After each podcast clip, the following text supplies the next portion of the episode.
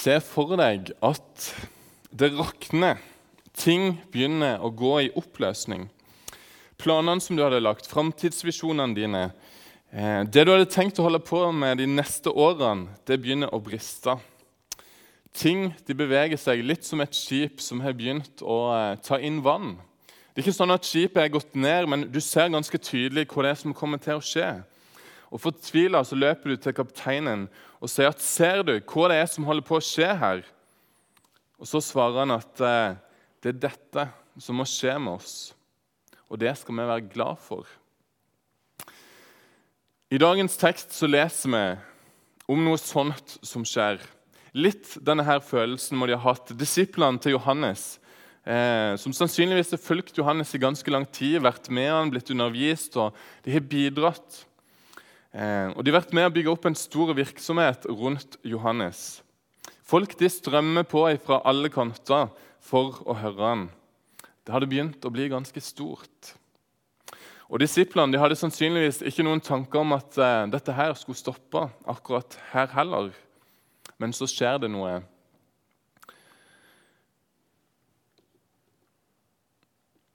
Vi skal lese dagens tekst. Der står det De gikk til Johannes og sa til han, 'Rabbi, han som var sammen med deg på den andre sida av Jordan, og som du vitna om, han døper nå.' Og alle går til han. Johannes svarte, 'Et menneske kan ikke få noe uten at det blir gitt ham fra himmelen.' Dere er selv mine vitner på at jeg sa:" 'Jeg er ikke Messias, men jeg er sendt i forveien for ham.' Den som har bruden, han er brudgom. Men brudgommens venn, som står og hører på ham, gleder seg stort over å høre brudgommens stemme. Denne gleden er nå blitt min, helt og fullt. Han skal vokse, og jeg skal avta. Hadde det vært Internett på denne her tida, så hadde sannsynligvis døperen Johannes vært det navnet som flest folk søkte opp på Google. Den som eh, fikk flest innlegg delt på Facebook. For han var berømt i hele Israel. Så berømt og omfolka at eh, den religiøse eliten og lederen i landet begynte å irritere seg. Han tok for stor plass. Og ikke var han redd for å sette dem på plass heller om de gjorde noe som eh, var galt. Men folket de beundra Johannes. Sannsynligvis var det ikke bare Johannes som hadde ganske stor anseelse, men òg hans disipler, som kunne sitte der ved middagsbordet og fortelle om hvordan det var å stå nært på denne her fryktløse, gudfryktige, berømte mannen som Johannes var. De var kjent, og de var ansett. Og de lykkes med det som de hadde gjort. De hadde vært med og bygd opp noe stort. Det var en som sa det at eh, gode folk kan òg slite og kjempe med suksess. Vi kan slite med det i kristen sammenheng. Disiplene til Johannes de virka å gjøre akkurat det, selv om Johannes hadde lært dem veldig mye viktig. Altså det å eh, slite med det å lykkes. For vi har alle lyst til å lykkes. Eh, og ha suksess med det vi driver med. Vi har lyst til å lykkes med det vi holder på med her i Misjonshuset nå. Jeg har ikke veldig lyst til å lykkes i jobben min. Jeg har lyst til å lykkes på hjemmebane. Spørsmålet som jeg må stille meg, er hvorfor ønsker jeg å lykkes?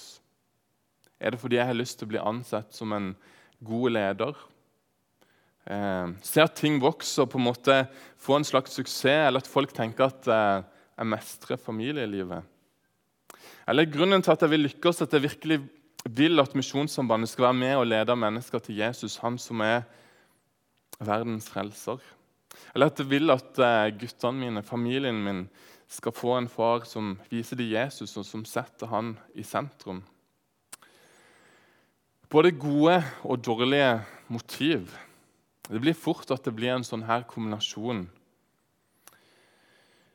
Tilbake igjen til disiplene til Johannes. For det er noe som er begynt å skje i dem.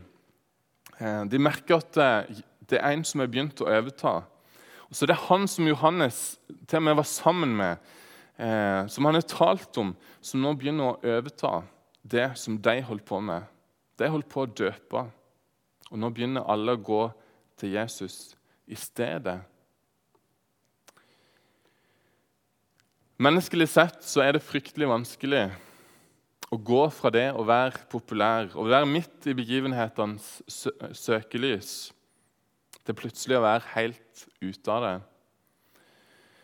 Og Det er et velkjent problem blant idrettsstjerner eh, som har vært vant med å skrive autografer, stå på direktesendte intervju og ha store tilhengerskarer, at når karrieren er slutt, så faller de fullstendig sammen.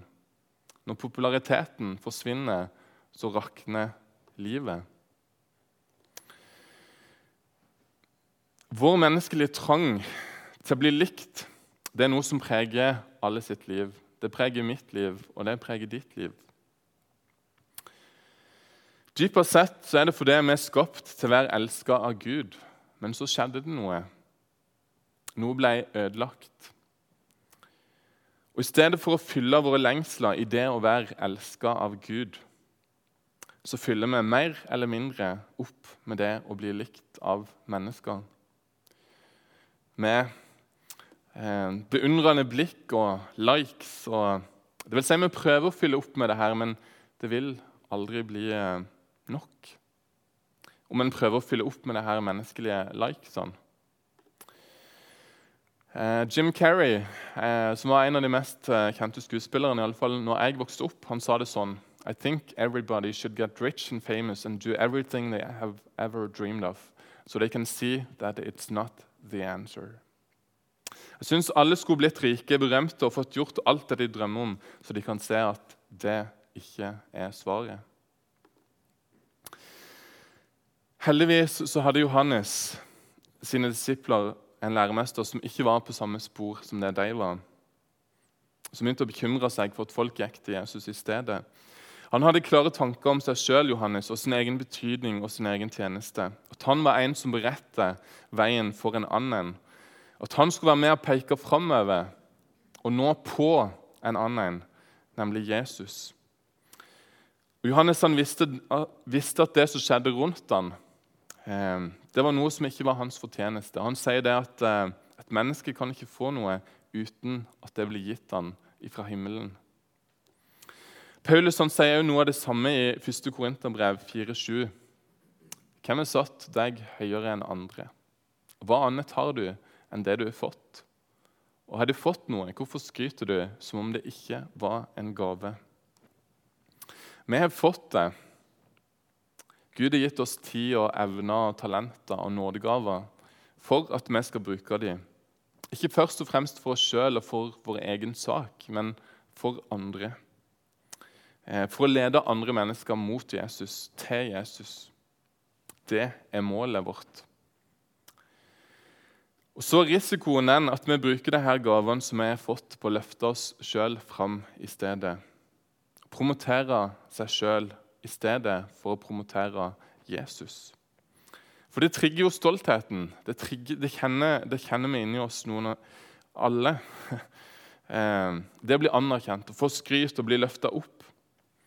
Eh, Paulus han sier om det kristne livet at eh, 'jeg lever ikke lenger sjøl, men Kristus lever i meg'.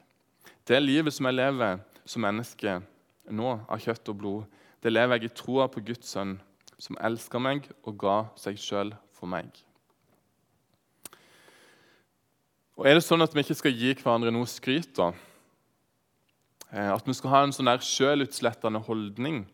Nei, det er ikke det som er hensikten. Men det er det her jaget etter å dyrke jeget som må bort. Det står ikke det i teksten at han skal voksne og jeg skal visne. Og Det menneskene jeg kjenner som er minst opptatt av seg sjøl, er på ingen måte de menneskene som framstår mest sjølutsletta. De er tvert imot mer hele enn noen andre, på plass. Det er kanskje funnet noe av det som Augustin sa om, om, eh, om Gud, at du har skapt oss for deg, og vårt hjerte er urolig til det finner hvile i deg. Der skjølvet får avta, og en får legge livet over Guds hender nåde, der finner vi òg oss sjøl. Jesus han sier at den som finner sitt liv, skal miste det. Men den som mister sitt liv for min skyld. Han skal finne det. Vet du hvem denne her karen her er? Sannsynligvis så vet du ikke det. Hvis jeg sier navnet hans, Edmund Haley, ringer det kanskje noen bjeller for noen helt få. Han er ikke veldig kjent. Eh, Isaac Newton derimot kjenner de fleste av dere til. Han og hans eksperiment med det her fallende eplet eh, Newton og han eh, oppdaga og introduserte loven om tyngdekrafta på 1600-tallet. Noe som var helt banebrytende i vitenskapen på den tida. Det få vet, er at om ikke det var for denne karen her, Edmund Haley, så hadde verden sannsynligvis aldri hørt navnet Isaac Newton. Det var nemlig Haley som utfordra Newton til å gå videre med det her innledende arbeidet som han gjorde om dette. Han var den som retta på de matematiske feilene som Newton gjorde, og som var med og bidro til at han skulle gjøre nye oppdagelser. Um, og ikke nok med det, men Han pressa en motvillig Newton til å gi ut det som senere skulle bli kjent som hans store hovedverk. Og Det stoppa ikke der engang. Han redigerte og han leda publiseringa. Og han betalte det det kosta for å gi ut denne her, eh, det her verket. Selv om Newton var en kar som var mye mer velstående enn han sjøl var, og fint kunne betalt for dette arbeidet. Ikke lenge etter at han hadde gitt ut eh, det her, så begynte Newton å få stor anerkjennelse fra overalt for det han hadde gjort. Men Haley sjøl eh, fikk ingen heder. Historikere kaller det noe av det mest uselviske som er skjedd i vitenskapens historie. Det vil si det er en komet som er blitt kalt opp etter Haley. Det er kanskje det man kjenner han for. Hvert 70 år så passerer det en komet eh, som har fått hans navn. Ellers så fikk han ingen anerkjennelse og ingenting i, i sin tid. Men han fortsatte å være en dedikert forsker som eh, ikke var opptatt av hvem det var som fikk hederen, så lenge det som skjedde, tjente saken som han var opptatt av. Det er mange som har hatt Haley sin rolle. Eh, Johannes han sa om Jesus han må vokse, jeg må avta. For Johannes så hadde heller ikke noen stor betydning hvilken rolle eller hvilken heder han skulle få. Og Saken for Johannes det var den at eh, se han som bærer verdens synd. At han måtte få bli stor.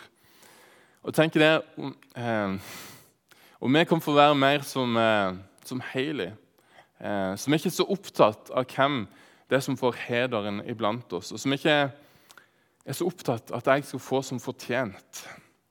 Jeg tror det hadde blitt mye, mye mindre klaging, mye mindre kamper oss kristne imellom om ikke var så opptatt av å få som fortjent.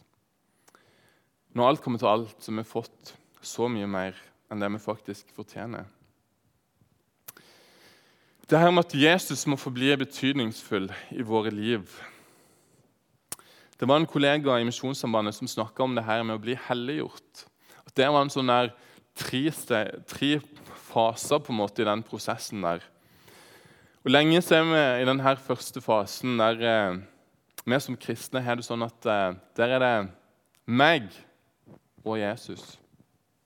Så får vi gå noen skritt på denne her veien, og så blir det Jesus og meg.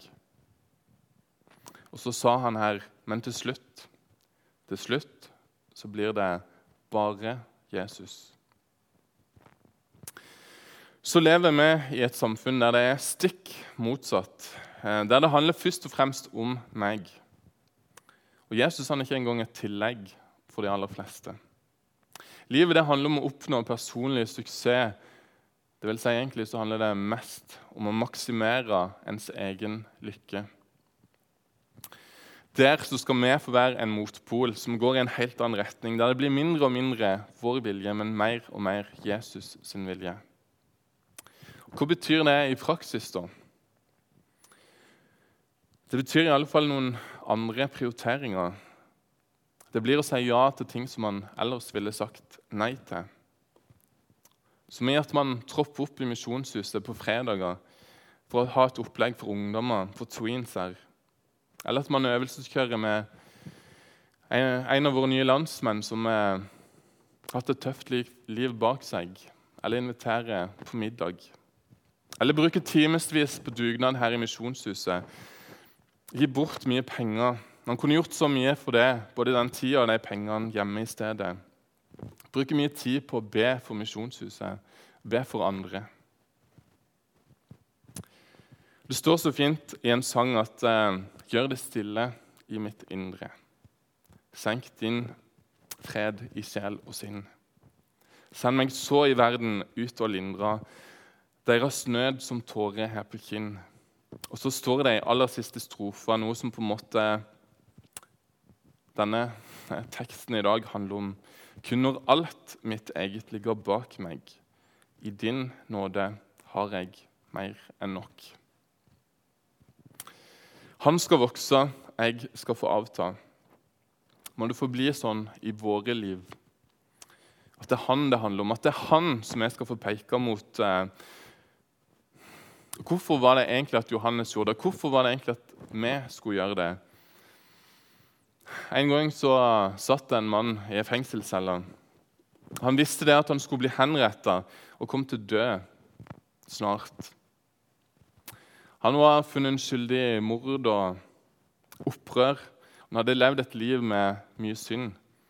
Sånn sett ikke så veldig ulikt eh, vårt liv. Som det står i Bibelen om oss, at vi er døde i våre overtredelser og synder. Det står at vi er fortapt. Det står at vi er uten håp og uten Gud. Du kan kalle oss for Barabas, syndere som ikke vil ha Gud som konge. For synd er ikke noen sånn beklagelig tabbe eller noen feiltrinn i ny og ne. Det er egentlig opprør mot Gud. Vi gjør krav på hans trone. Vi vil bestemme hva som er rett og galt. Synd skriker at 'jeg vil styre mitt eget liv'. Synd er den største formen for opprør, og du er en som har gjort opprør. Og det er jeg òg. Det er hvert eneste menneske som noen gang har levd. Materialisme, begjær, selvrettferdighet, svik, baktalelse. Hvert menneske har prøvd å gå sin egen vei uten Gud. Det er ikke det at det er noen av oss som ikke har gjort opprør. Det har vi gjort alle sammen. Det er ikke én rettferdig, ikke en eneste, står det i romerbrevet. Vi er opprørere som Barabas. Og I likhet med han så fortjener vi egentlig å dø. Vi er skyldige. Barabas når han satt på denne her cella, han forventa nok at døra plutselig skulle gå opp. At det skulle komme inn en eh, romersk senturion og si til han at eh, nå, nå skal du få din Du skal få betale for det du har gjort. Men så hører han noe helt annet i stedet. Du er fri til å gå. De tok Jesus i stedet. Så blir cella åpna, han får lov til å gå ut. Han får stå der ute og se lyset komme imot han, uten fotlenke, benåda, og undre seg hva det var som nettopp skjedde. Det var nåde. Det var Jesus som tok hans plass. Men Jesus han tok ikke bare Barbas sin plass, han tok din plass. Han tok min plass. Han tok alle andre sin plass. Derfor er det at vi skal få peke mot Han, så enda flere skal få se Han som bærer verdens synd.